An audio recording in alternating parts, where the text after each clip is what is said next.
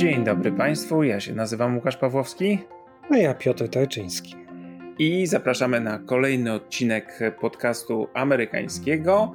E, zanim zaczniemy, to tradycyjne podziękowania dla Państwa, którzy byli z nami w zeszłym tygodniu i są z nami od dawna, od wielu miesięcy, a niektórzy to już pewnie więcej niż rok. W naszych mediach społecznościowych komentują, udzielają się, wysyłają nam już pytania na sesję QA, którą planujemy w drugiej połowie bieżącego miesiąca. Także serdeczne, serdeczne dzięki i podziękowania także dla tych z Państwa, którzy są z nami w serwisie Patronite i ta grupa e, znowu się powiększyła o kolejne osoby. Piotr, jak zwykle, ma listę. Szczególnie dziękujemy w tym tygodniu Agnieszce, Małgorzacie, Dominice, Klaudii, Wojciechowi, Annie, Elżbiecie, Katarzynie oraz Kluśce Śląskiej. E, bardzo dziękujemy. No nie jest to Tucker Carlson, ale Kluska Śląska też, też brzmi dobrze. Dobra, e, to przechodzimy do mm, tematu dzisiejszego e, tygodnia, a będzie ciekawie, bo porozmawiamy w Polsce to temat modny o komisjach. Porozmawiamy o makartyzmie i o komisji McCarthy'ego, mm, bo to też coś, o czym w Polsce się ostatnio mówi, takie porównania się pojawiają, tylko odnoszę wrażenie, że nie wszyscy do końca wiedzą, o co chodziło z tym McCarthy'm, co to była za komisja i czy w ogóle była komisja McCarthy'ego, a może to zjawisko e, trochę szersze.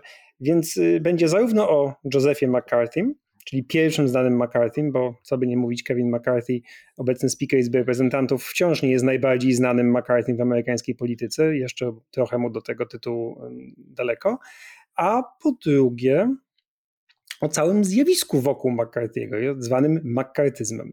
I tu chyba się będziemy trochę spierać z Łukaszem, bo e, on by chciał trochę bardziej o samym McCarthym, a ja troszkę o kontekście i o tym, co się działo wokół. No dobrze, to powiedzmy Państwu, bo Piotr twierdzi, że warunki były takie, że ktoś taki jak McCarthy musiał się pojawić i to nie tyle McCarthy stworzył McCarthyzm, co czekała, jeżeli dobrze rozumiem twoje, twoje, twoje zdanie, czekała taka sytuacja, która mogła zostać wykorzystana przez jakiegoś polityka, no i okazało się, że jest to McCarthy. A moim zdaniem, bez pewnych cech charakteru, które miał McCarthy i które moim zdaniem podziela z pewnym znanym politykiem współczesnym w Stanach Zjednoczonych, to nie byłoby możliwe. To znaczy, trzeba było mieć pewne cechy i zdolności. Zdolności nie znaczy, że to było coś dobrego, które McCarthy miał.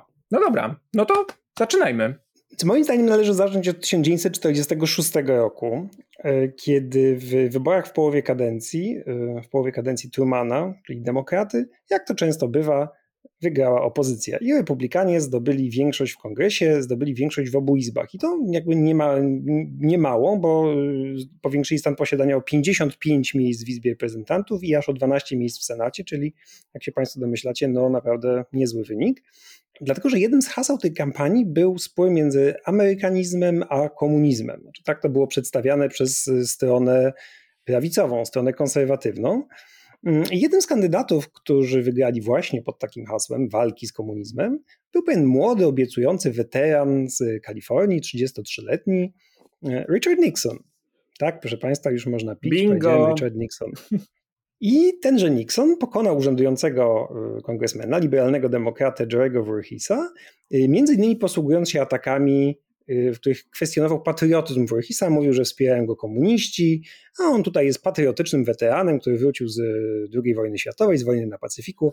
Mm, no i to jakby pod tym hasłem wygrał. I nie był jedyny, bo to była jakby cała taka fala y, weteranów, która wchodziła do polityki w 1946 roku.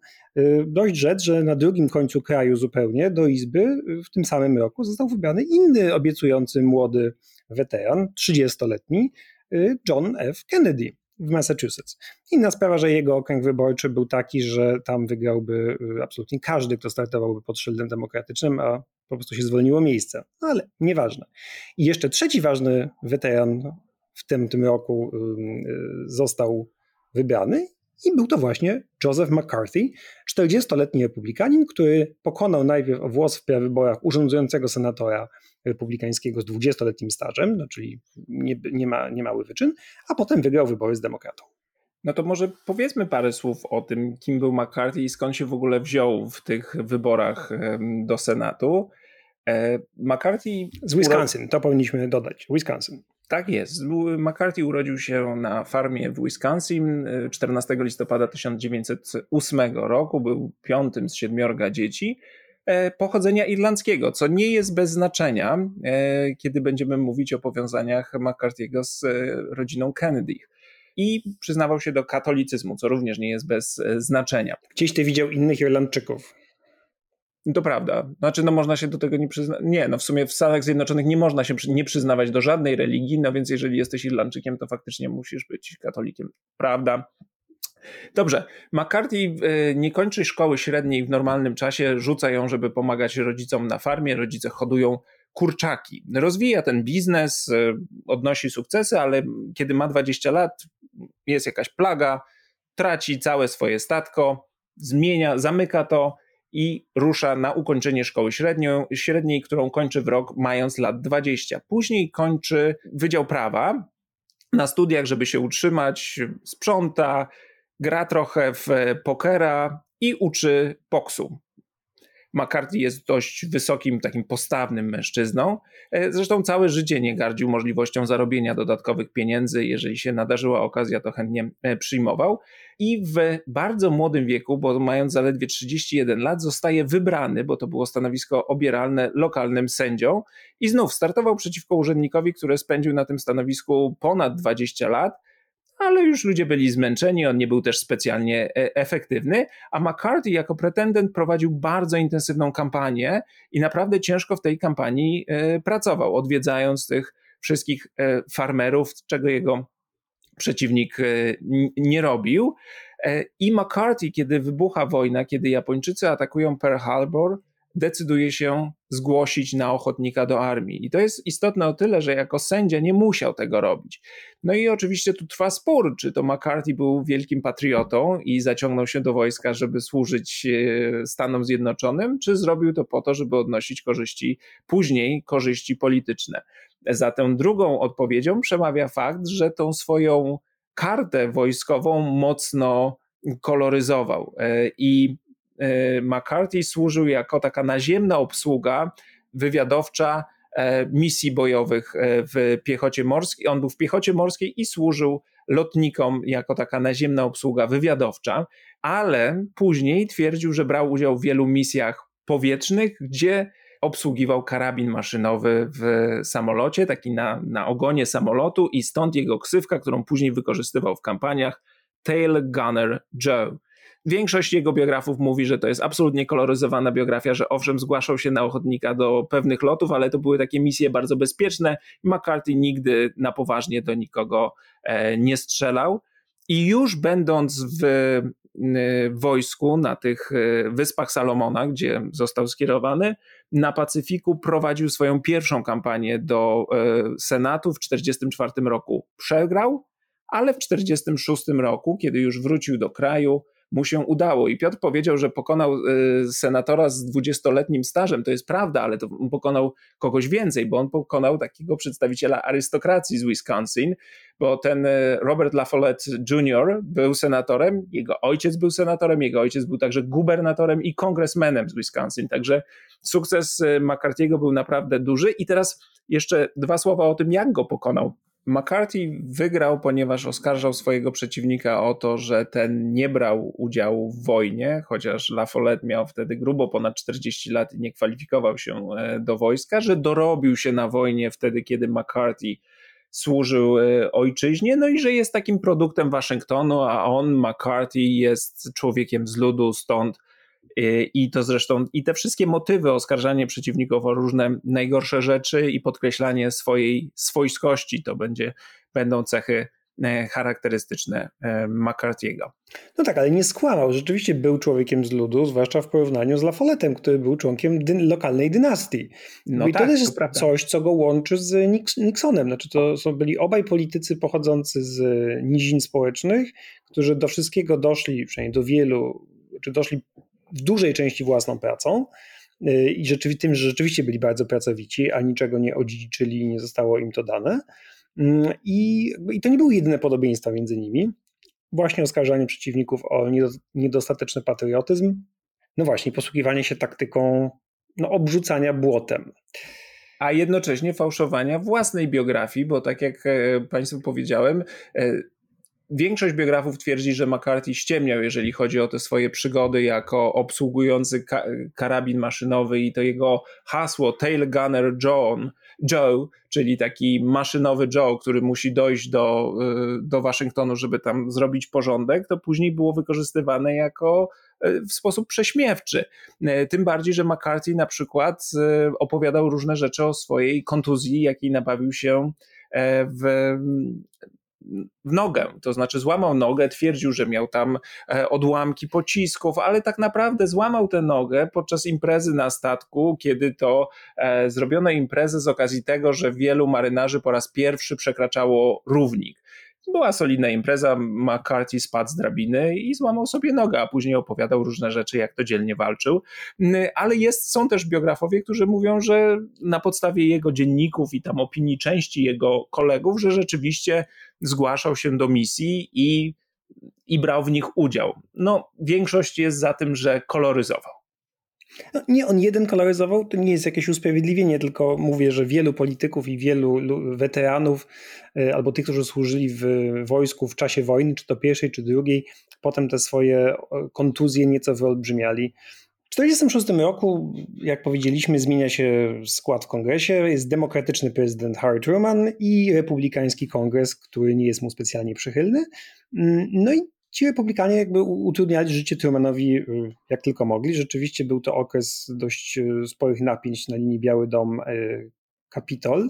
Wybuchały ciągle konflikty, sytuacja nie była łatwa, spierano się o różne rzeczy, ale między innymi właśnie o ten rzekomy komunizm i antykomunizm, chociaż oczywiście Truman był politykiem antykomunistycznym, nawet jeśli był demokratą.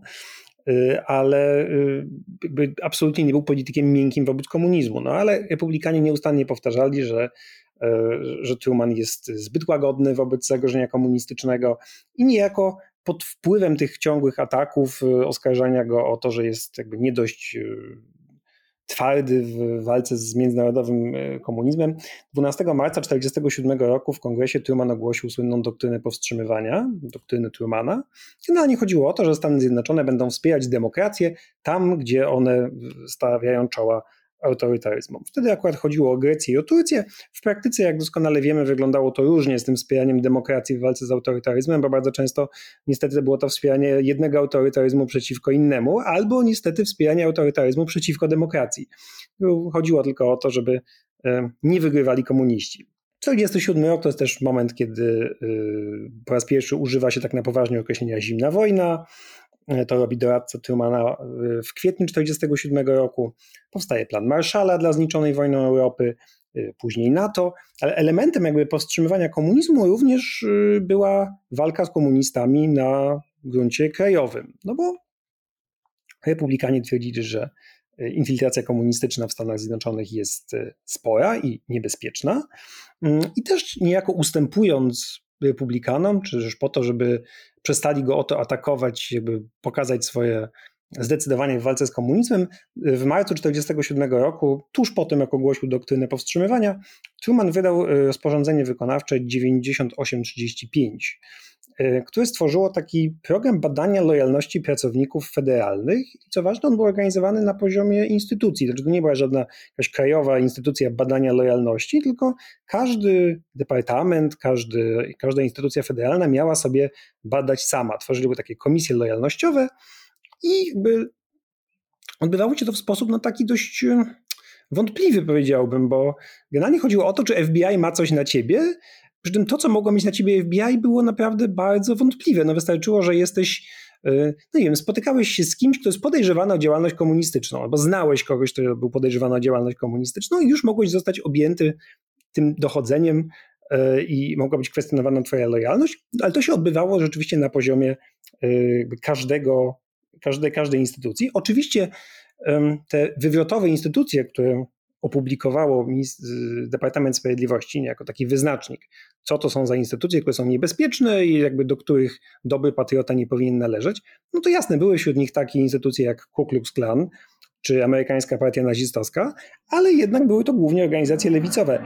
I to nie tylko musiało być partia komunistyczna, ale bardzo dużo organizacji po prostu lewicowych czy lewicujących, organizacje zajmujące się prawami obywatelskimi Afroamerykanów, lewicowe księgarnie w Nowym Jorku czy w Waszyngtonie, ale też jak sprawdziłem na przykład American Polish Labor Council, czyli jak rozumiem jakieś stowarzyszenie polskich związków zawodowych. Tak, i chodziło o to, żeby FBI przyjrzało się każdemu, kto jest y, członkiem, przynależy, sympatyzuje z jakąkolwiek zagraniczną lub krajową organizacją, stowarzyszeniem, ruchem, grupą lub e, zbiorem osób uznaną przez e, prokuratora, generalnego za totalitarną, faszystowską, komunistyczną lub wywrotową. Więc rzeczywiście dość mm, e, obszerna definicja. No i z tego, co, co można wyczytać, to wiele osób faktycznie sprawdzano ale... No wiesz, prześwietlano 3 miliony ludzi do 1951, no to jest sporo ludzi. Ale ile z nich faktycznie ukarano zwolnieniem czy niezatrudnieniem? No zaledwie kilkaset. Tak, nie ma dokładnych danych, bo to widziałem, że się różnią. Widziałem takie, że 500 osób, że 300 osób, że 200 zostało zwolnionych. Też parę tysięcy podało się samodzielnie do dymisji. Też jakby żeby nie zostać zwolniony. Ale faktycznie przez wiele lat prześwietlano po prostu wszystkich pracowników federalnych i to nie jest tak, że chodziło tylko o jakichś pracowników wyższego szczebla. Znaczy każdy pracownik zatrudniony przez rząd federalny, czyli na przykład urzędnik na poczcie, też był sprawdzany. Pytanie, czy to, że nie wiem, pani w okienku na poczcie ma sympatię komunistyczne, jest zagrożeniem dla bezpieczeństwa Stanów Zjednoczonych? Myślę, że nie. No ale ona też została objęta tym programem sprawdzania lojalności. Abraham Pomeranz, jeden z prawników amerykańskich w Norymberdze, powiedział, że naziści mieli więcej ochrony prawnej w Norymberdze niż pracownicy federalni w trakcie tych y, przesłuchań. No tak, ale dlaczego te oskarżenia republikanów e, pod adresem administracji Trumana padały na podatny grunt? No po pierwsze dlatego, że rzeczywiście to byli ci młodzi weterani, którzy wracali z wojny i mogli mówić, że oni patriotycznie walczyli za kraj, a tutaj te stare ci dziadersi siedzieli w Waszyngtonie i dorabiali się na, na wojnie albo nie zrobili nic. No ale poza tym e, Amerykanie rzeczywiście ponosili klęski w walce z komunizmem, a przynajmniej tak Prawdziwe to, i urojone No właśnie, tak można to było przedstawiać, bo na przykład no, Sowieci zaczynają dominować w Europie Środkowej. No jasne, tylko że tak żeście się umówili, podzieliliście tą Europę już w Jałcie, więc nie było specjalnym zaskoczeniem, że komuniści, nie wiem, w Polsce no, niespecjalnie dbali o pluralizm sceny politycznej. Czy w Czechosłowacji w 1948 roku jakby przejęli władzę? No, no szok. No tak, ale są też y, prawdziwie szokujące dla Amerykanów klęski, czyli na przykład uzyskanie przez Sowietów dostępu do broni atomowej. Pierwsza próba to jest sierpień 1949 roku.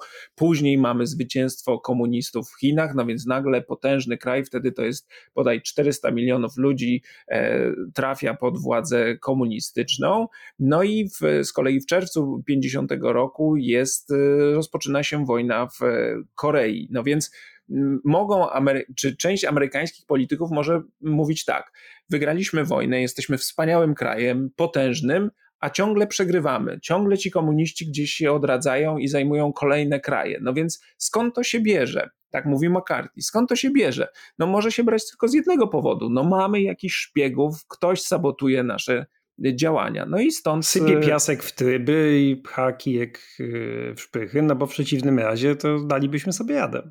Dokładnie tak. Ale były też y, jak gdyby realne przypadki odkrywania ludzi, którzy faktycznie szpiegowali na rzecz y, Związku Radzieckiego. No i to ciekawe, że kluczową rolę na tym, w tym pierwszym etapie walki z komunizmem, tej czerwonej paniki, bo tak to się nazywało, Red Scare, y, odgrywał absolutnie nie senator John McCarthy, bo w ogóle nie Senat, tylko Izba Reprezentantów. I to była taka komisja Izby Reprezentantów do spraw badania działalności nieamerykańskiej. To jest w ogóle niezwykła nazwa, jak się teraz o tym myśli. To się nazywało House Un-American Activities Committee, HUAC. E, ona powstała w 1938 roku jeszcze, przed wojną, e, żeby badać wpływy komunistyczne i wpływy nazistowskie. Podkreślmy to, to znaczy niech Państwo to sobie wyobrażą, że w Polsce na przykład powstaje Komisja do Spraw Działalności Antypolskiej. To znaczy jak to brzmi, albo nawet nie tyle antypolskiej, co niepolskiej działalności. I taka komisja nie była jakimś krótkotrwałym wydarzeniem w historii amerykańskiego kongresu czy Izby Reprezentantów dokładnie, tylko ona przez całe lata funkcjonowała no potem pod zmienioną nazwą, ale ale faktycznie tak, no ktoś uznał, że Komisja do Spraw Działalności y, Nieamerykańskiej to jest dobra nazwa, mm, a Joseph McCarthy nie miał z tą komisją nic wspólnego, no z tego prostego powodu, że on siedział w Senacie, y, a komisja działała w Izbie. Natomiast w rzeczonej komisji zasiadał ktoś inny, Richard Nixon. Y, no i pierwszym celem tej komisji, takim najbardziej znanym w tej nowej fali, w tej fali walki z czerwonym zagrożeniem, z czerwonym straszakiem, mm, było Hollywood. W 1947 roku zaczęły się y, posiedzenia HUAC badające wpływy komunistyczne w Hollywood. Y, najbardziej taki szalony członek tej komisji to był y, republikański, nie przepraszam, demokratyczny kongresmen z Mississippi, oczywiście, przecież z Mississippi nie było żadnego republikanina wtedy. Konserwatywny demokrata John Rankin, który był kompletnym antysemitą, rasistą, no jakby wszystko, co można sobie wyobrazić najlepszego kongresmenie z Mississippi. E, w ogóle na przykład nie chciał badać Ku Klux Klanu, bo mówił, że to jest stara, szacowna amerykańska instytucja, natomiast bardzo interesowały go wpływy żydowskie w Hollywood E, i tutaj miał na tym punkcie kompletnego kręćka. Mm, e, Nixon nie był ni szefem tej komisji, był po prostu młodszym, starzym kongresmenem, no ale komisja zapraszała na przesłuchania, trzeba się było stawić. Różne osoby zeznawały przed tym HIWAC, między innymi szef Związku Zawodowego Aktorów, Ronald Reagan, też młody i obiecujący. Mm, już nie aktor, ale niebawem polityk. Y, I Reagan mówił, no, że owszem, jakby są próby y, infiltracji komunistycznej czy jakiejś takiej propagandy lewicowej, ale one nie trafiają za bardzo na podatny grunt. Mm, ale wezwano do stawiennictwa przed tą komisją dziesięciu reżyserów i aktorów, żeby zeznali y, na temat tego, czy świadomie umieszczali w swoich filmach i propagandę komunistyczną. Scenarzystów chyba. Tam przede wszystkim byli także scenarzyści filmowi. Tak. Oni odmówili złożenia zeznań, e, no i zostali skazani za obrazę kongresu, no bo tak jakby są wymogi, że jak cię komisja wzywa, to się musisz stawić, jak się nie stawiasz, to jak przed sądem, no to za to jest y, kara. I y, gwiazdy Hollywoodu, takie czołowe gwiazdy tamtych lat, jak Frank Sinatra, Catherine Hepburn, Humphrey Bogart, Lauren Bacall, y, założyli taki komitet pierwszej poprawki w obronie wolności słowa przeciwko nękaniu twórców. E, tam jeszcze było trochę innych gwiazd, może nie z pierwszego szeregu, ale drugiego. Znaczy problem polegał na tym, że rzeczywiście okazało się, że po pierwsze wśród tej, tych członków Komitetu Pierwszej Poprawki sam znalazł się członek partii komunistycznej, czy były członek partii komunistycznej. E, na po drugie z tej dziesiątki, e, to się tak nazywało, dziesiątka z Hollywood, też były osoby, które faktycznie należały do partii komunistycznej. To już Nieważne, czy oni rzeczywiście tę propagandę komunistyczną próbowali pchać do filmów, czy nie.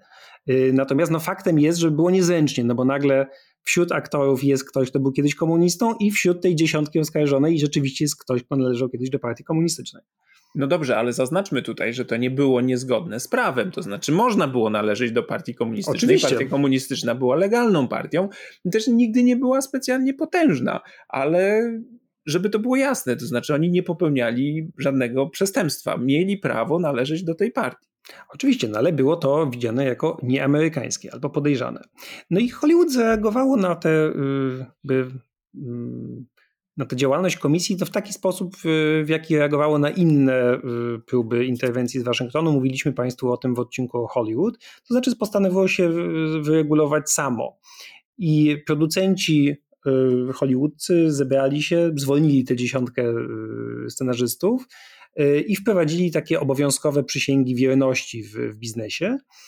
Co zresztą jest o tyle ciekawe, że no, tutaj padały ciągle zarzuty, że Hollywood jest prokomunistyczny albo że jest lewicowy, że próbuje tę lewicową propagandę Mm, wtłaczać Amerykanom do głów, y, czego dowodem między innymi miały być jakieś film, filmy z czasów wojny, w których przedstawiano Związek Radziecki w pozytywnym świetle, no tylko, że Hollywood robiło to również na niejako polecenie Waszyngtonu, y, bo przecież wtedy Związek Radziecki był sojusznikiem Stanów Zjednoczonych w walce z nazistowskimi Niemcami.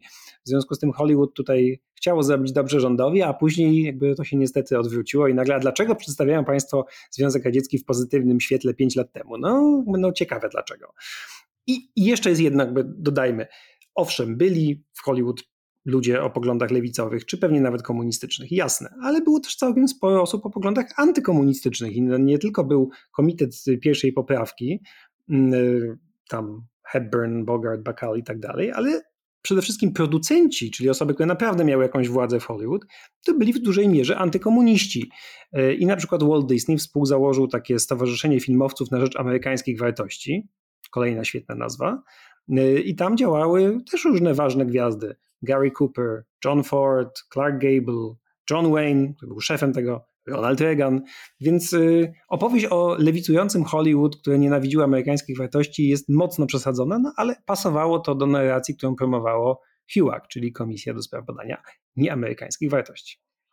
No, mówiliśmy też Państwu w odcinku o Hollywood, że ci żydowscy imigranci, którzy stanęli na, na czele tych największych firm producenckich, im jak najbardziej zależało na tym, żeby być uznawanym za prawdziwych Amerykanów, żeby właśnie zrzucić z siebie jakiekolwiek podejrzenia nielojalności. Oni na każdym kroku podkreślali tą swoją amerykańskość, nawet kosztem tej swojej identyfikacji e, żydowskiej, to znaczy posyłali dzieci do katolickich szkół, nie przyznawali się do swojego pochodzenia i tak dalej. Polecamy przesłuchać posłuchać tamten odcinek. No i ta czystka w Hollywood skutkowała tym, że rzeczywiście niektórzy twórcy y, Niektórym twórcom złamano karierę, znaczy głównie scenarzystom. Musieli pracować pod pseudonimem albo w ogóle nie mogli pracować, byli wpisani na czarną listę takich osób niezatrudnialnych. To nie była oczywiście jakaś oficjalna lista, no ale faktycznie nie mieli jak pracować.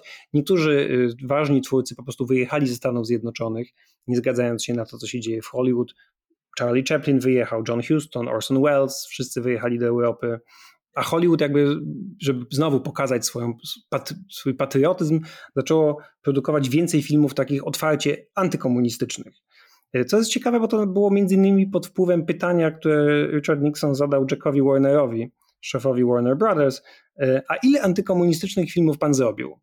No i na to pytanie rzeczywiście odpowiedź e, nie była łatwa. W związku z tym później Hollywood zaczął produkować e, różne filmy takie bardzo patriotyczne, głównie złe, e, ale czasem dobre, jak na przykład na nabrzeżach Eli Kazana z Marlonem Brando, który dodajmy, to jest dobry film, ale on opowiada o tym, że są złe związki zawodowe i jest jakaś komisja i dobry, honorowy informator idzie zeznawać przed komisją, bo to jest dobre i patriotyczne. Jakby to taka narracja tam była e, propagowana.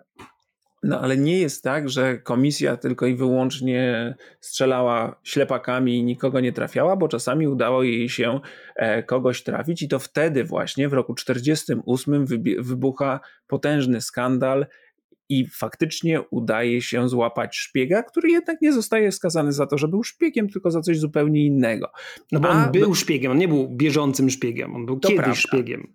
No właśnie. No i e, to jest e, sprawa zeznań niejakiego Whitakera Chambersa, który wówczas był redaktorem magazynu Time, a wcześniej faktycznie był szpiegiem na rzecz Związku Radzieckiego, członkiem partii komunistycznej który e, zeznał, że szpiegiem był także niejaki Alger Hiss, były pracownik Departamentu Stanu i taki mm, członek arystokracji ze wschodniego wybrzeża, absolwent Harvardu, e, z dobrej rodziny. No i Hiss oczywiście zaprzeczył. No to arystokracja to mało powiedziane. No Hiss był takim naprawdę wzorem urzędnika publicznego w Departamencie Stanu. To był człowiek, który E, brał udział w Jałcie, w konferencji w Jałcie, przygotowywał konferencję założycielską ONZ-u, e, więc no naprawdę sam szczyt Departamentu Stanu w czasach e, rządów demokratów. I to też jest ważne, że między innymi dlatego uwziął się na niego, mówię uwziął, ale jak się okazało miał rację, ambitny peweniusz, którym był e, Richard Nixon, no bo tak, tego tutaj ten sentyment klasowy też odgrywał znaczenie, bo oto był e, Alger Hayes, który skończył Harvard, był takim naprawdę uwielbianym przez media i przez establishment urzędnikiem państwowym, a tutaj pojawia się jakiś biedny chłopek z Kalifornii i jakby próbuje mu stawiać zarzuty. No i Richard Nixon z całą stanowczością postanowił udowodnić, że Alger Y, rzeczywiście był kiedyś członkiem partii komunistycznej i rzeczywiście był radzieckim agentem i że Whittaker Chambers mówi prawdę. No tak, no bo Hiss zaprzeczył, pozwał Chambersa o zniesławienie i Chambers przedstawił dowody y, swojej wcześniejszej znajomości z Hissem, pokazując tak zwane Mm, dokumenty dniowe, czyli e, pumpkin papers. E, to były, to były dokumenty, które on schował w wydrążonej dyni na swojej farmie, no i przedstawił je jako dowody. Były to czasami zupełnie nie, nieistotne z punktu widzenia wywiadowczego dokumenty na takim, na takim zdjęcia, ale też zdjęcia dokumentów z Departamentu Stanu. No i His ostatecznie został skazany, ale właśnie nie za szpiegostwo, bo te, te zarzuty się przedawniły, tylko za krzywoprzysięstwo i dostał wyrok pięciu lat wydany w styczniu 1950 roku.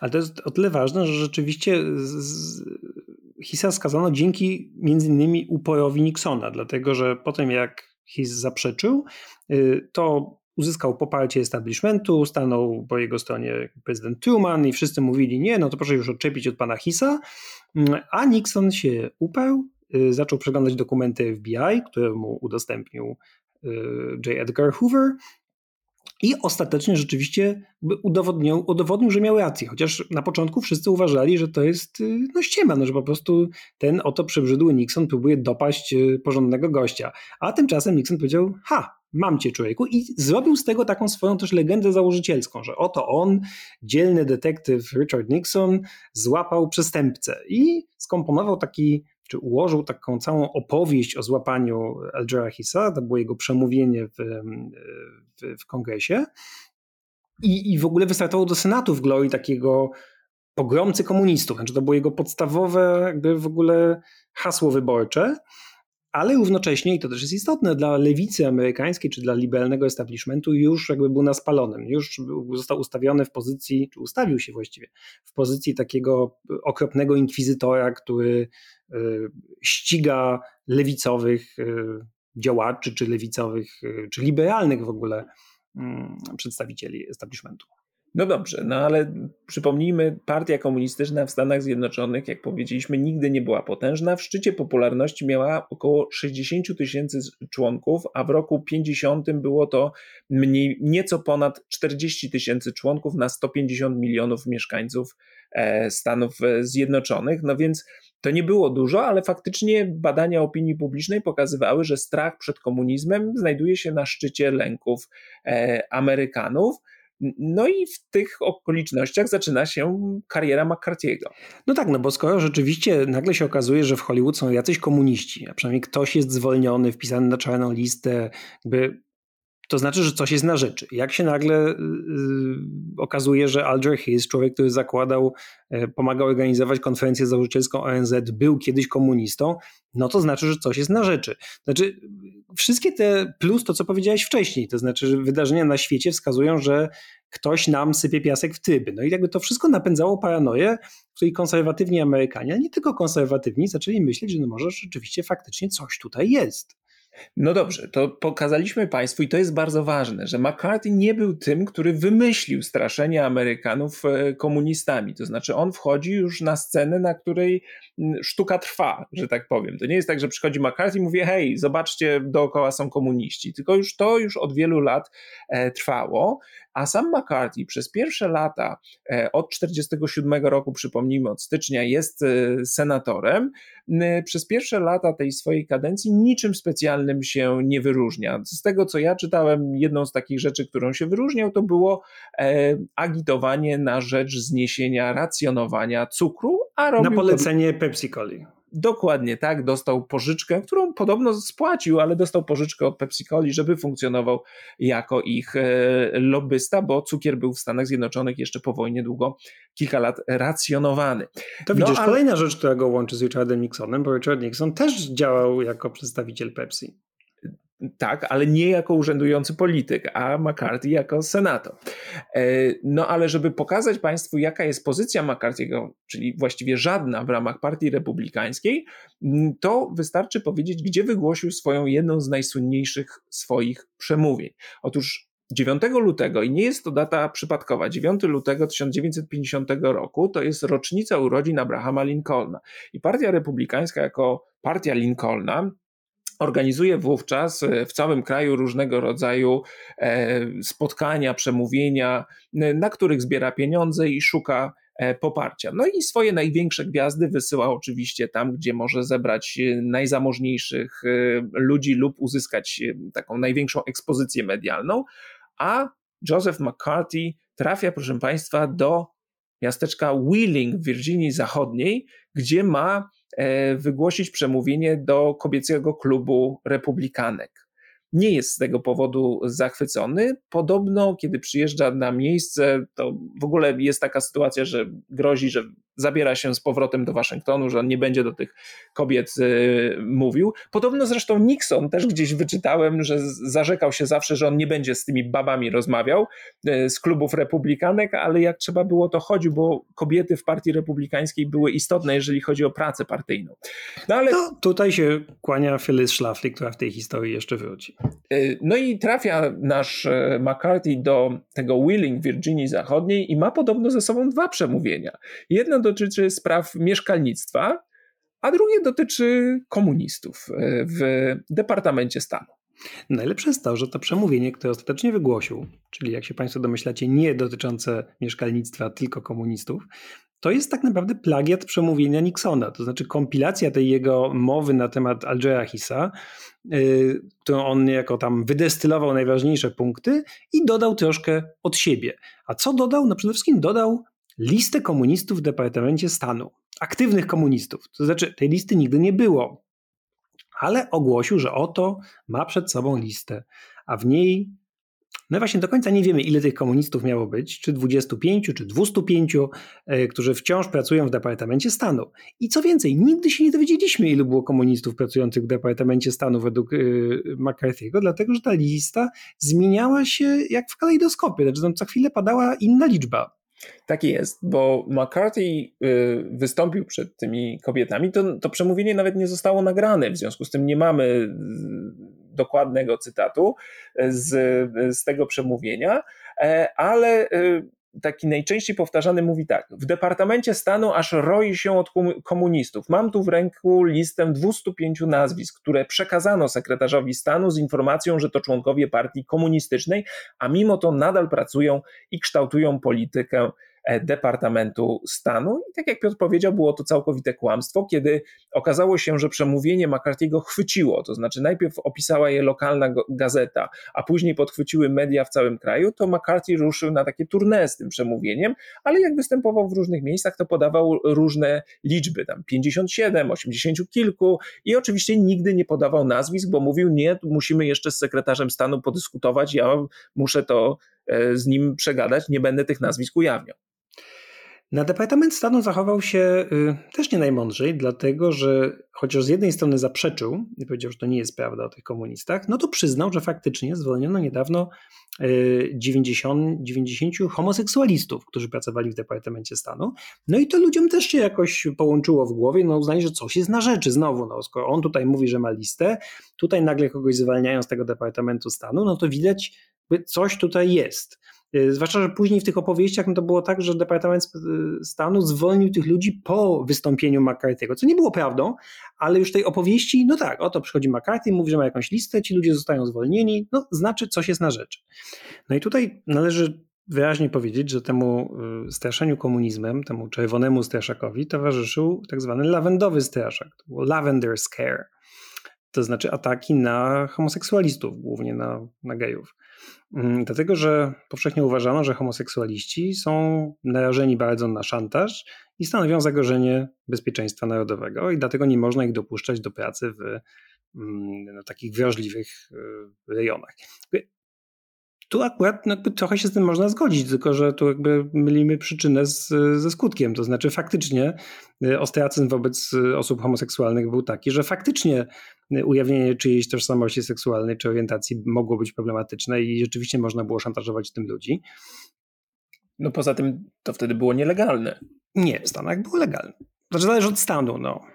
No właśnie, bo wiem też o przypadkach, e, których możemy tutaj w tej historii też opowiadać, że e, można było dostać e, kary, no nie więzienia, ale na przykład grzywdy za homoseksualizm. No, zależy właśnie od stanu, zależy od tego, co się robiło. No ale faktycznie utożsamiano tak zwaną perwersję seksualną z innymi problemami. Uważano, że homoseksualiści mają skłonność do przestępczości, do pijaństwa itd., tak itd. Tak no i jakby zwalniano ich z pracy trochę z powodu zwykłej homofobii, trochę kierując się względami tak zwanego bezpieczeństwa. I w 1953 roku y, prezydent Eisenhower wydał taki, y, takie rozporządzenie wykonawcze 10450, które po prostu zakazywało pracy w rządzie federalnym y, homoseksualistom. I zwolniono z pracy, jak się szacuje, około 5 tysięcy osób, czyli jak widać więcej nawet niż w wyniku tych czystek komunistycznych, gdzie, jak Łukasz powiedział, zwolniono kilkaset osób.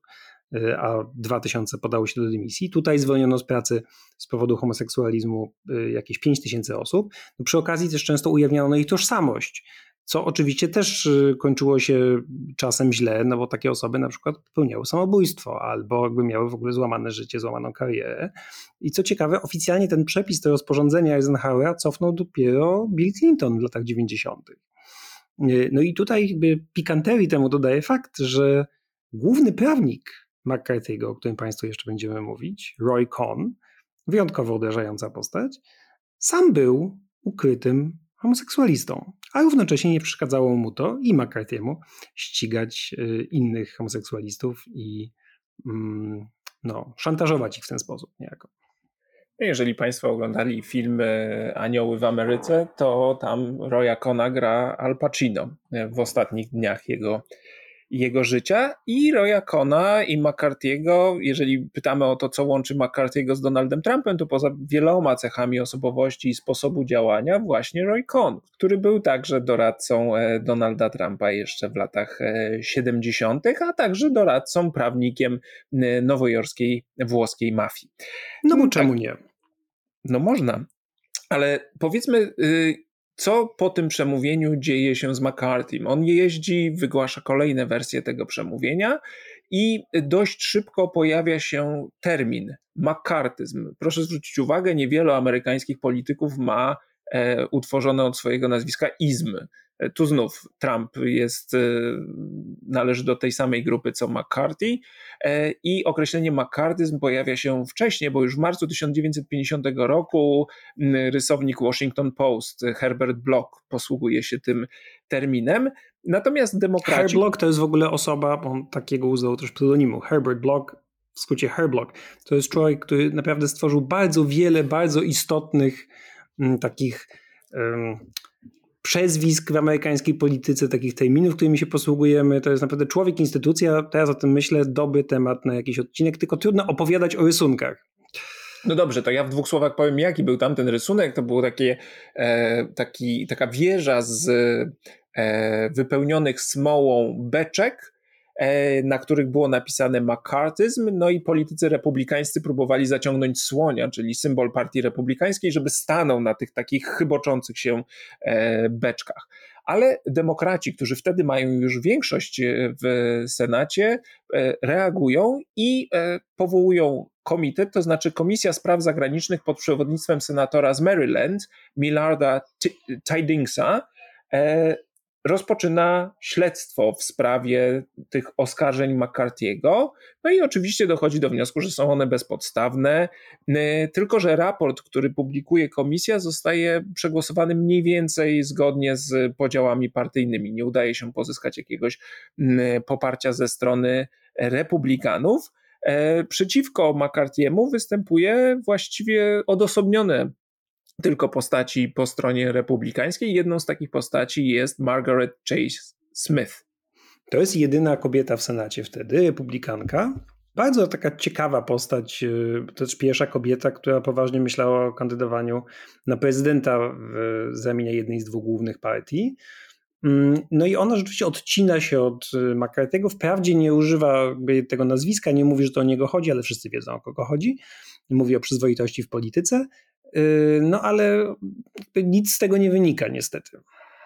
Nic nie wynika. Y, ona wzywa do podpisania takiej deklaracji sumienia, ale no, kiedy e, inni politycy widzą, że McCarthy jest popularny, a McCarthy krótko później wygłasza takie przemówienie w Wisconsin, e, entuzjastycznie przyjęte, no to okazuje się, że mm, koledzy Smith jednak od niej odchodzą i kolejna, jak gdyby kolejny dowód popularności i rosnących wpływów McCarthy'ego to jest y, kampania wyborcza z listopada 1950 roku, gdzie Tidings, czyli ten senator, który przewodniczył tej komisji, która zdyskredytowała McCarthy'ego, przegrywa swoją walkę o reelekcję w Maryland, no i McCarthy oczywiście był ważnym punktem y, kampanii na rzecz e, przeciwnika Tidingsa i uznaje się, że to jest dowód jego no, rosnących wpływów. No, za McCarthy idą ludzie. Tak, no rosnące wpływy też y, sprawiają, że McCarthy dostaje własną komisję. Znaczy tak naprawdę podkomisję, to znaczy podkomisję śledczą Komisji Bezpieczeństwa Wewnętrznego. E, I to właśnie była komisja McCarthy'ego. Jeśli w ogóle można mówić, że jakaś komisja była komisją McCarthy'ego, to była ta podkomisja. Chociaż jak już Państwu powiedzieliśmy, no jakby to nie ona jedna i nie ona pierwsza, bo ten HUAC wydaje się nawet ważniejszy niż y, komisja senacka czy podkomisja McCarthy'ego ale tutaj e, Piotr zrobił mały skok, bo to trzeba było poczekać, aż znowu republikanie będą mieli większość w Senacie, żeby mogli rozdawać e, komisję, a to nastąpiło dopiero w 1952 roku. To ja tylko jedno dodam, bo jakby liczba osób, które oskarżą McCarthy, nie ma sensu tutaj państwa zanudzać wszystkimi nazwiskami, bo to nie sposób, bo to były setki osób. Ale to nie jest tak, że McCarthy celował tylko w jakichś urzędników średniego szczebla, w jakieś takie no-name. Albo wysokiego szczebla Nie, no właśnie McCarthy szedł za ludźmi najwyższego szczebla i bodaj w czerwcu 1951 roku uderzył, i to nie jest żart, w George'a Marshalla. Tak, tego George'a Marshalla, który był e, szefem sztabu armii amerykańskich w latach 39-45, był sekretarzem stanu, e, był sekretarzem, wówczas sekretarzem e, obrony był autorem słynnego planu Marshalla.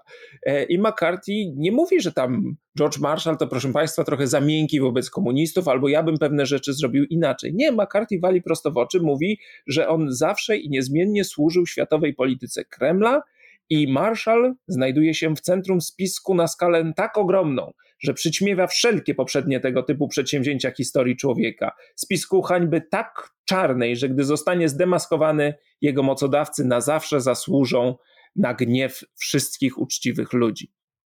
Pięknie powiedziane.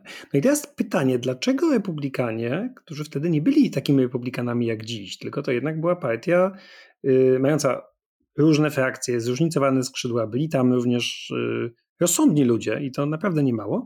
Dlaczego republikanie pozwalali na to wszystko McCarthy'emu i na wiele więcej, o czym Państwu jeszcze opowiemy.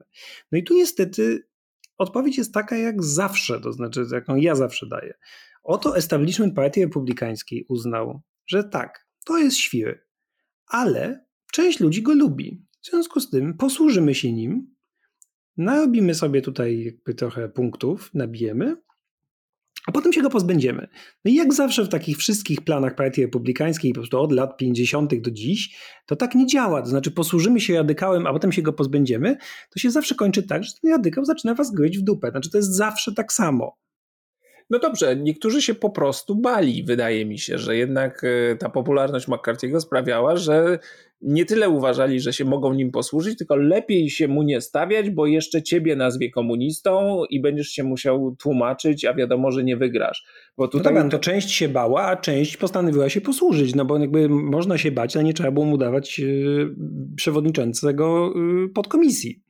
No i to jest tym bardziej zaskakujące, że proszę Państwa, wtedy kto jest kandydatem Partii Republikańskiej na prezydenta? No, generał Dwight Eisenhower, którego Marshall był przełożonym i który którego Eisenhower bardzo lubił. To znaczy, Eisenhower nie znosił McCarthy'ego, po tym ataku na Marszala nie znosił go tym bardziej, a mimo wszystko w kampanii prezydenckiej, kiedy podróżował do Wisconsin, no to się uśmiechał i występował z McCarthy'm. No to wychodzi na moje, tak? Próbujemy się posłużyć radykałem, może nam coś z tego przyjdzie.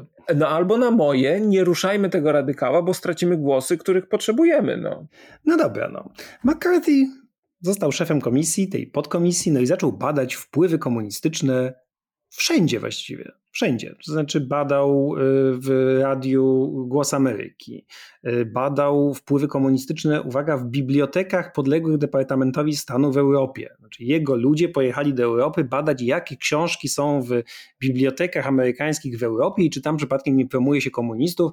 No i wiecie co Państwo, no byli komuniści straszni lewacy, bo na przykład promowano Steinbecka, były tam książki Steinbecka, no jak tak można? I tak dalej, i tak dalej.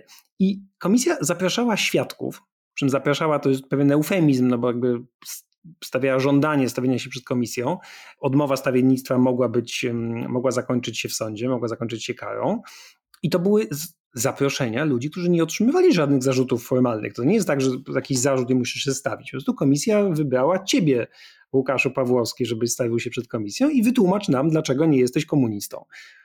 No to, żeby to Państwu pokazać, to ten jeden z dyrektorów Voice of America, czyli takiej stacji radiowej, która właśnie puszczała w eter propagandę amerykańską także do krajów komunistycznych, e, Reed Harris, to tutaj chodziło o to, czy zarzutem McCarthy'ego było to, że ów Harris napisał wiele lat wcześniej książkę na temat sportu, na temat futbolu amerykańskiego, w którym gdzieś pojawia się jakiś fragment, e, w którym Harris pozytywnie wyraża się o tym, jak do sportu podchodzi się w Związku Radzieckim.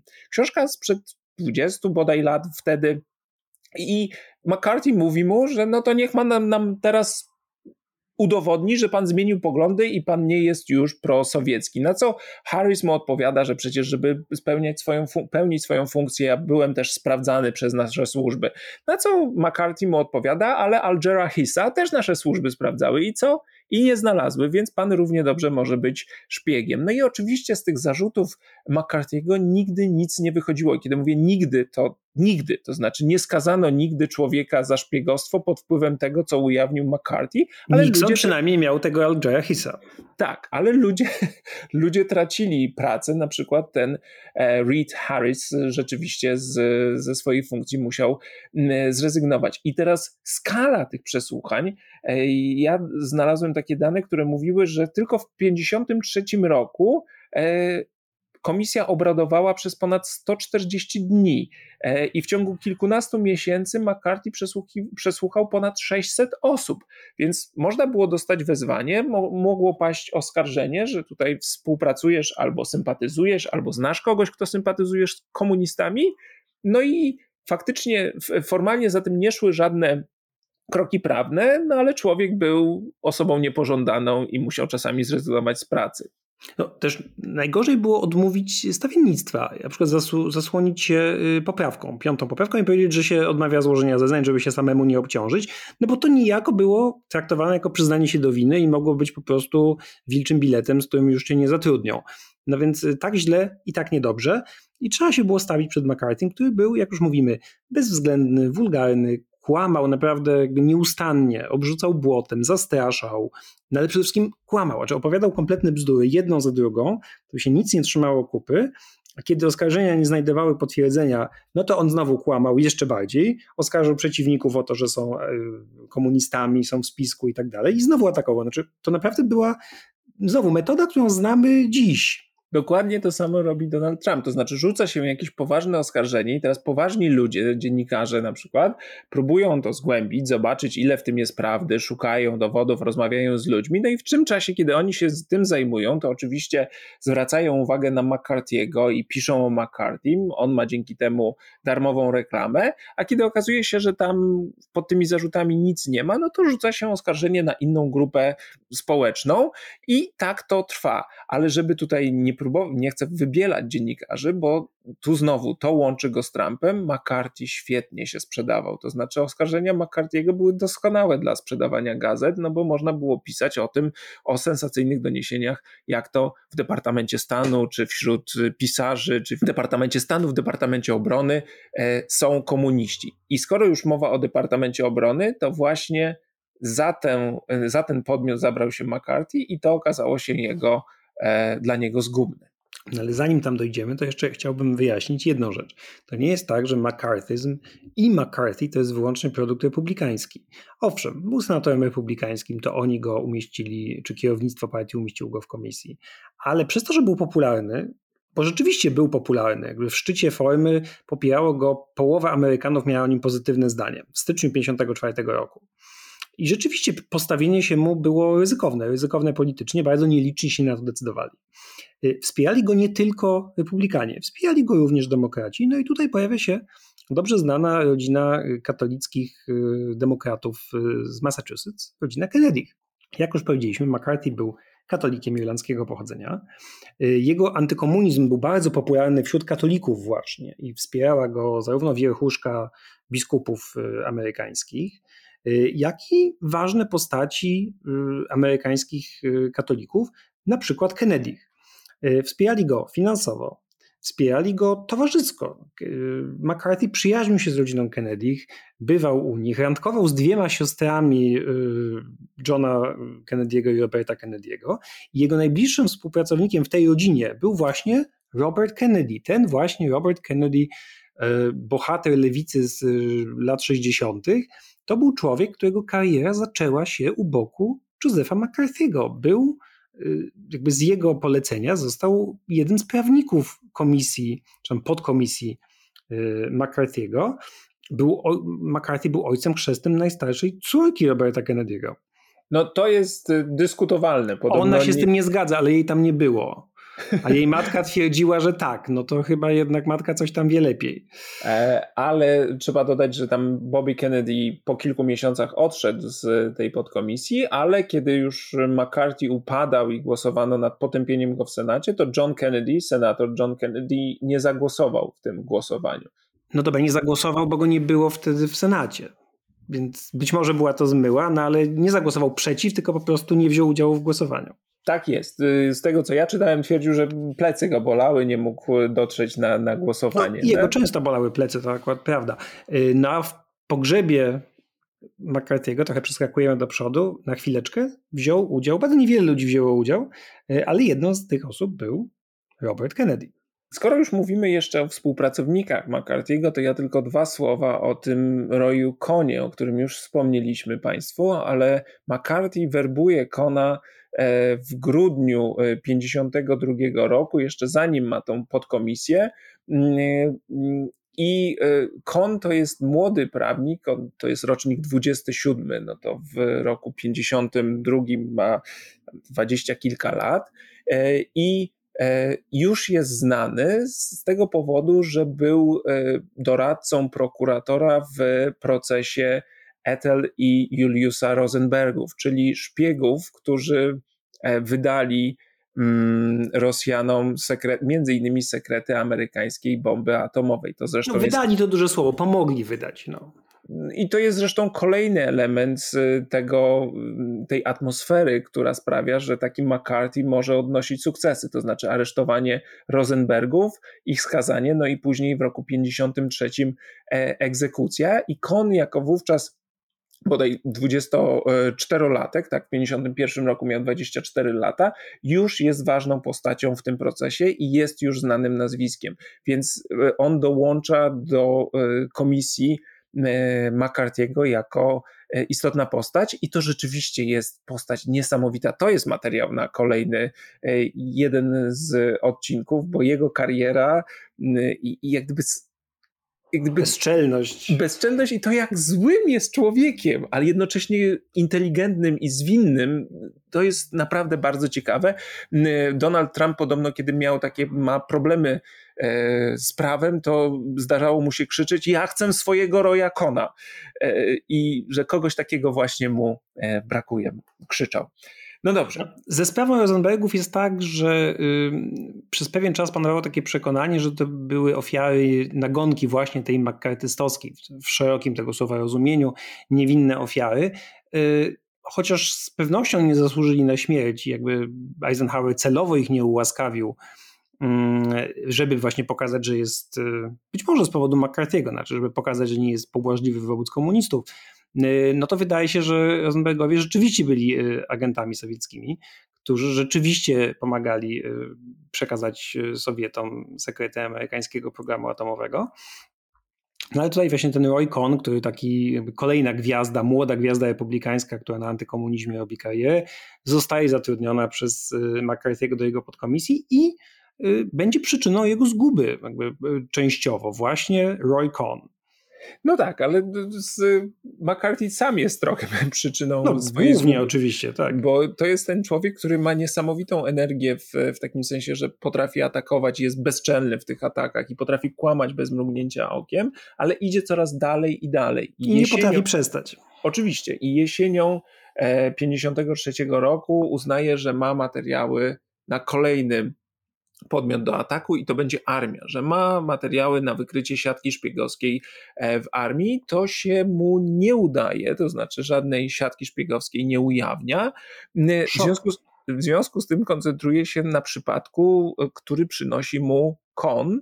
I to jest przypadek, proszę Państwa, pewnego, uwaga, dentysty nazwiskiem Irving Perez. To jest nowojorski dentysta, który został powołany do wojska w roku 52 e, w stopniu kapitana i awansowany w roku 53 na stopień majora. No ale wkrótce potem okazuje się, że Perez e, był członkiem lewicowej amerykańskiej partii pracy, jakiś tam odpowiedzi nie udzielił w swoim tym formularzu lojalnościowym, e, no i zostaje zwolniony z armii, ale Zostaje po prostu, podziękowano mu za służbę, nie w sposób e, dyscyplinarny.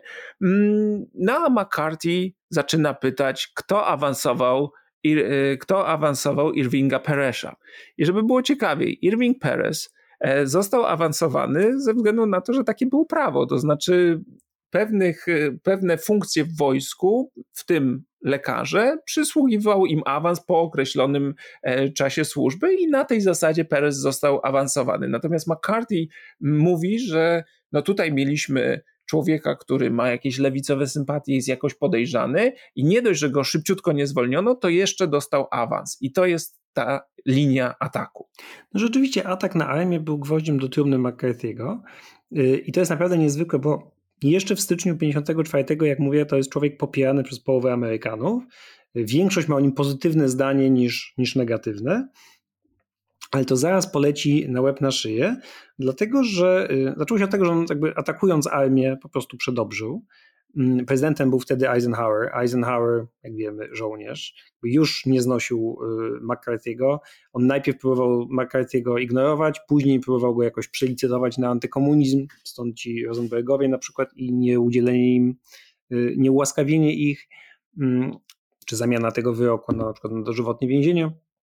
No a później zaczął po prostu, to był ten kropla, która przelała czarę gory, czyli rzeczywiście Eisenhower postanowił przyłożyć się do pozbycia się e, McCarthy'ego. Ale oczywiście to też nie jest taka ta opowieść heroiczna Eisenhowera o tym, że Eisenhower po prostu sam po prostu pokonał McCarthy'ego, y, którą można znaleźć na przykład w, niektórych biografiach Eisenhowera albo na jego stronie w bibliotece prezydenckiej. No to jest ściema, tak by to tak nie jest. Bardzo długo tolerował tego y, McCarthy'ego i mu nawet pomagał. Ale faktycznie podniesienie ręki na armię, no to jest to, gdzie Joseph McCarthy przesadził. Y, I zaatakował najpierw generała Ralpha Zwickera, który skądinąd był z jego własnego stanu, z Wisconsin, który był tam szefem tej bazy, w której ten dentysta służył. Y, no i zaatakował go w sposób y, taki typowy dla siebie, to znaczy agresywny, wulgarny, tam zarzucił mu, że jest debilem po prostu. A takich rzeczy się nie robi, no nie mówi się takich rzeczy generałowi, to jeszcze odznaczonemu jakimiś medalami za honorową służbę no, lądowanie w Normandii, więc to dość, dość istotna e, akcja w, w historii II wojny światowej, a tymczasem McCarthy powiedział, że generał to nie, nie jest godzien nosić tego munduru. No więc właśnie. No i kończy się tak, że y, tam jest dużo szczegółów, ale nie będziemy Państwa tym zanudzać. W tle jest współpracownik y, tej komisji, czy podkomisji McCarthy'ego, Iro Jakona, który może był, może nie był kochankiem albo przynajmniej obiektem romantycznego zainteresowania Roya Cona. No, był bardzo przystojny mężczyzna. Bardzo przystojny, to prawda. No i tamten Kon zaczyna jakby, też ma znowu poczucie, że jest nie wiadomo kim i, i, i zaczyna się domagać dla tego człowieka specjalnego traktowania w wojsku. Wojsko się na to nie godzi i są sprzeczne wersje na temat tego, co zaszło w wojsku. David Shine to jest taki bogaty dziedzic y, hotelarskiej y, rodziny, który dołącza już wcześniej do y, podkomisji McCarthy'ego, no ale w czasie... Członek tylko jako stażysta. Tak jest, ale w czasie, no i on między innymi z Konem podróżował po Europie, sprawdzając te biblioteki, o czym Piotr wcześniej wspominał, no ale w, w, z czasem dostaje powołanie do wojska, no i Kon za zgodą McCarthy'ego i przy aprobacie McCarthy'ego zaczyna domagać się tego specjalnego traktowania. Co to znaczy? No to, żeby Shine na przykład był w oddzielnym pokoju, żeby był zwolniony z pewnych obowiązków, żeby częściej dostawał przepustki i tak dalej. Podobno domagają się nawet jakiegoś awansu dla niego i wywierają presję, a armia jak gdyby ma materiały pokazujące, co dokładnie Kon mówił, e, wydzwaniając tam do, do odpowiednich e, przedstawicieli armii i e, no jak gdyby strasząc ich po prostu, strasząc. No i kiedy nagle McCarthy zaczyna atakować armię, to z Białego Domu idzie zezwolenie na to, żeby spotkać się z nim i powiedzieć mu: Jeżeli nie przestaniesz, jeżeli nie zwolnisz Roya Kona, no to my pokażemy, że próbujesz szantażować armię, domagając się przywilejów dla swojego człowieka, a jednocześnie prowadzisz śledztwo w sprawie armii. No i też bardzo ważnym momentem w upadku Josepha McCarthy'ego był program e, w CBS z 9 marca 1954 roku, w szczycie popularności cały czas e, McCarthy'ego, kiedy Ed Morrow, czyli naprawdę taka instytucja telewizyjna ówczesna. Taki starszy mm. Walter Cronkite. Tak, zaatakował McCarthy'ego. Znaczy zaatakował w, w jakby na standardy 54 roku. Znaczy to w, dla dzisiejszej telewizji to było w sumie bardzo grzeczne, ale jednak powiedział o nim parę um, surowych słów. E, o tym, że niezgoda nie oznacza nielojalności, że oskarżenie nie jest dowodem. No, dużo słusznych słów padło w tym programie. E, I to jak słyszymy, mogło być jakby zatwierdzone przez Biały Dom. To znaczy, istnieje taka teoria, że to oczywiście, że nie Eisenhower nie zadzwonił do Monroe, ale że Monroe dostał niejako zgodę Białego Domu na zaatakowanie McCarthy'ego. I że ten program przeciwko McCarthy'emu miał już przygotowany od dłuższego czasu. I to była tylko jakby sygnał, że teraz już można, teraz już y, przestaniemy chronić tego gościa. No tak, bo z drugiej strony wyszła od Białego Domu e, informacja o tym, do prasy dostał się przeciek, o tym, że Roy Cohn i senator McCarthy domagają się tego specjalnego traktowania dla swojego człowieka w armii. No i z tego powodu mamy e, nowe posiedzenia komisji, które miały zweryfikować. E, Kto czy, mówi prawdę? Tak jest, czy McCarthy, czy armia. I tutaj wchodzi nam na scenę kolejny ważny aktor, Joseph Welch. To jest prawnik, który stał się głównym reprezentantem e, Armii Stanów Zjednoczonych w tej sprawie. Prawnik z Bostonu, zatrudniony dlaczego z Bostonu? Podobno dlatego, między innymi, że e, no, gdyby zatrudnić kogoś z Waszyngtonu, no to McCarthy mógłby powiedzieć: O, tutaj establishment próbuje mnie atakować, człowieka z zewnątrz, tego biednego chłopaka, który został senatorem, a sam Welch także miał podobną historię jak, e, z, jak McCarthy, czyli z, z biedy do rzeczywiście e, wspaniałej kariery prawniczej. Te przesłuchania komisji były publiczne, transmitowane w telewizji od kwietnia do czerwca 1954 roku i to, że one były pokazywane w telewizji też nie jest przypadkiem.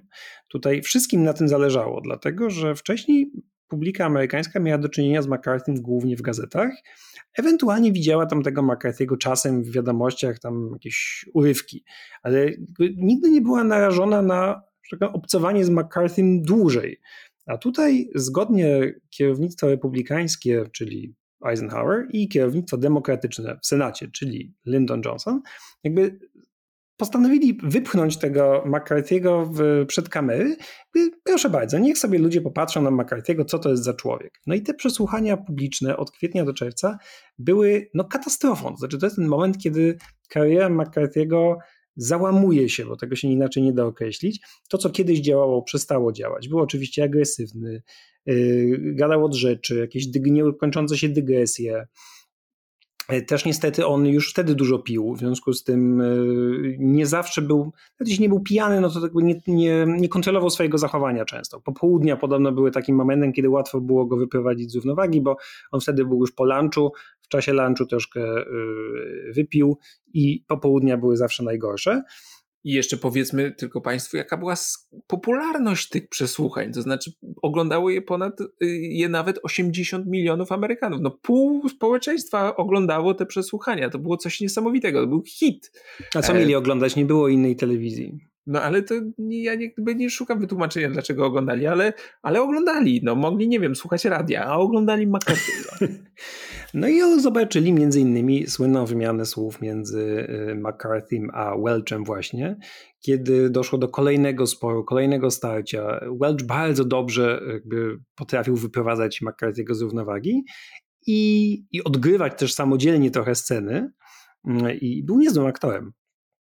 I w pewnym momencie doszło do y, sceny, w której y, McCarthy zaczął atakować, a Welch odegrał scenę takiego udawanego oburzenia, ale którą wszyscy kupili, w której powiedział: e, Czy pan nie ma za grosz przyzwoitości? Panie senatorze. No i po tych przesłuchaniach y, rzeczywiście popularność McCarthy'ego spadła na łeb na szyję mm, o 20 punktów procentowych. I z, przy czym on naprawdę nie rozumiał, co się wydarzyło. To znaczy, on robił zawsze to samo, co robił zawsze, od lat.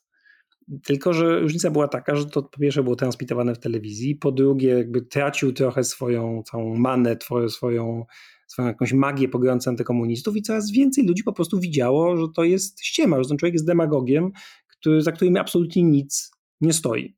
No i e, Senat decyduje się na e, głosowanie w sprawie tego, czy udzielić McCarthy'emu nagany. E, ale co ciekawe, to nie udzielają mu nagany za to, że tam łamał ludziom e, życia, że zmuszał ich do rezygnacji z pracy, tylko za to, że się tam odnosił nieodpowiednio z brakiem szacunku do innych senatorów. I podobno McCarthy miał szansę z tego wyjść. E, senator Barry Goldwater z Arizony namawiał go, żeby podpisał taki list przepraszający tych senatorów, którzy poczuli się urażeni. McCarthy odmawia i przegrywa to głosowanie stosunkiem 67 do 22. Wszyscy demokraci są przeciwko McCarthy'emu i mniej więcej republikanie dzielą się pół na pół. To jest właśnie to głosowanie, w którym senator John Kennedy y, nie, nie głosuje. No i po tym głosowaniu, kiedy zostaje mu udzielona nagana, chociaż McCarthy nadal jest senatorem, to jest kompletnie, kompletnie ignorowany. Na przykład jest przyjęcie organizowane dla wszystkich senatorów przez y, Eisenhowera, na który jedynym, który nie dostaje zaproszenia, to jest przyjęcie dla senatorów i ich małżonek, jedynym, który nie dostaje zaproszenia jest właśnie McCarthy. Zaczęto go unikać, unikali go dziennikarze, y, unikali go inni senatorowie, po prostu go ignorowano. No i y, po trzech latach, w 1957 roku, jeszcze jako senator, cały czas, mm, McCarthy, który zaczął jeszcze więcej pić, y, umiera na marskość wątroby spowodowaną alkoholizmem. Nie ma nawet pięćdziesiątki, znaczy trudno w to uwierzyć patrząc na jego zdjęcie, ale to jest człowiek, który w chwili śmierci miał 48 lat. Mm, no i zostaje mu urządzony pogrzeb taki no, państwowy niejako, no bo jest urzędującym senatorem, samolot y, wiezie jego trumnę pokrytą czy przysłoniętą amerykańską flagą do rodzinnego stanu, ale no właśnie na tym pogrzebie no, nie ma tłumów, to znaczy nie ma tłumów y, z Waszyngtonu poza Robertem Kennedym i chyba paroma kolegami z Senatu. Bo tłumy lokalnych mieszkańców są, to oczywiście, no bo to jest jednak ich lokalny chłopak, który zrobił wielką karierę w Waszyngtonie i dla części z nich był no, takim bojownikiem o amerykańskość. Zresztą do tej pory ma swoich fanów e, Joe McCarthy, ale no ale tak, ale umiera w, w niesławie. Ale właśnie, no to jest człowiek, który nieświadomie był jednym z architektów zwrotu Partii Republikańskiej w prawo. To, yy, to znaczy obok właśnie Phyllis Schlafly, która swoją, swoją drogą zawsze broniła McCarthy'ego do końca życia. Yy, to był taki człowiek, który właśnie obok Schlafly i paru innych osób pchał Partię Republikańską w prawo, w czasach, kiedy ona jeszcze miała zupełnie rozsądne centrowe skrzydło, czyli na przykład reprezentowane przez Eisenhowera. Yy, człowiek, który łączył w sobie agresywny antykomunizm, ale czasem głupi i przesadny antykomunizm, osoby, osoby niechętne ONZ i w ogóle zaangażowaniu Stanów Zjednoczonych we, wspólnotę międzynarodową, wrogów programów społecznych no, Nowego Ładu, ówczesnych antyszczepionkowców, bo tacy też wtedy byli, wrogów fluoryzacji wody. Jakby to, co wszystko się potem było, stało się stowarzyszeniem Johna Bircha, czyli takim stowarzyszeniem no naprawdę antykomunistów level hard, I, I tutaj jest, y, to jest ciekawe, że ten McCarthy, który jakby przegrał, bo z, mm, zakończył życie w niesławie, jest rzeczywiście, przynajmniej moim zdaniem, jednym z, nieświadomie jednym z architektów dzisiejszej partii republikańskiej, no i jakby przede wszystkim symbolem, tak jak powiedziałeś, jest człowiekiem, który ma swój termin w amerykańskiej polityce od jego nazwiska. Nie jest to termin pozytywny, oczywiście, bo oznacza taki po prostu agresywną demagogię, szkalowanie, rzucanie niepotwierdzonych fałszywych oskarżeń, niszczenie karier, całe te polowanie na czarownicę. Mm, no ale ma swój termin, McCarthyzm. To zresztą ciekawe, Donald Trump bardzo często posługuje się terminem e, polowanie na czarownicę, którym kiedyś określano McCarthyzm. To teraz Donald Trump mówi, że jest ofiarą polowania na czarownicę. No, brakuje tylko, żeby Donald Trump powiedział, jestem ofiarą współczesnego McCarthyzmu. Moim zdaniem Donalda Trumpa bardzo, naprawdę bardzo wiele z e, McCarthym łączy i i, i jest niesamowite. Znaczy, to, to jest jednak pewna zdolność, że umiesz kłamać tak, jakbyś absolutnie w to wierzył, robisz to bez mrugnięcia okiem, a jeżeli ci wytykają kłamstwo, to po prostu rzucasz kolejne kłamliwe oskarżenie i nie masz takiego poczucia zażenowania. I to jest coś wyjątkowego w McCarthy. Czy on wierzył w to, co mówi? No pewnie nie wie. No właśnie to jest, to jest to pytanie. To jest też to pytanie o Trumpa. Czy Trump wierzy w to, co mówi? Czy on naprawdę jest przekonany, że wybory zostały sfałszowane, a on zachował się wspaniale, zabierając dokumenty z Białego Domu? Nie wiem, nie umiem odpowiedzieć na to pytanie, ale zachowuje się tak, jakby naprawdę w to wierzył. I McCarthy mówił z podobnym przekonaniem. Y, jeszcze bym zakończył nawiązaniem do popkultury, do takiego filmu, który bardzo lubię. Y, Manchurian Candidate, po polsku to się chyba nazywa Przeżyliśmy wojnę. Mm, naprawdę? Tak, tak się nazywa? Tak, niestety tak się nazywa.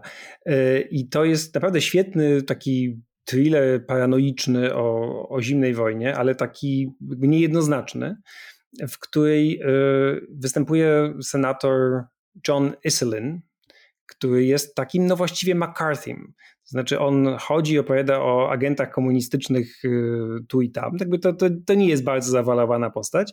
I to jest człowiek, który właśnie rzuca różne liczby, ale tu jest tylu agentów, 200, 500, 30 i tutaj no niestety spoiler, jego szefową jest jego żona, manipulująca agent, prawdziwa agentka KGB, która jakby urządza całą tę kampanię nienawiści i kampanię makkartyzmu właśnie po to, żeby zdestabilizować amerykańską politykę i on pyta w pewnym momencie żonę, on nie wie, że ona jest agentką.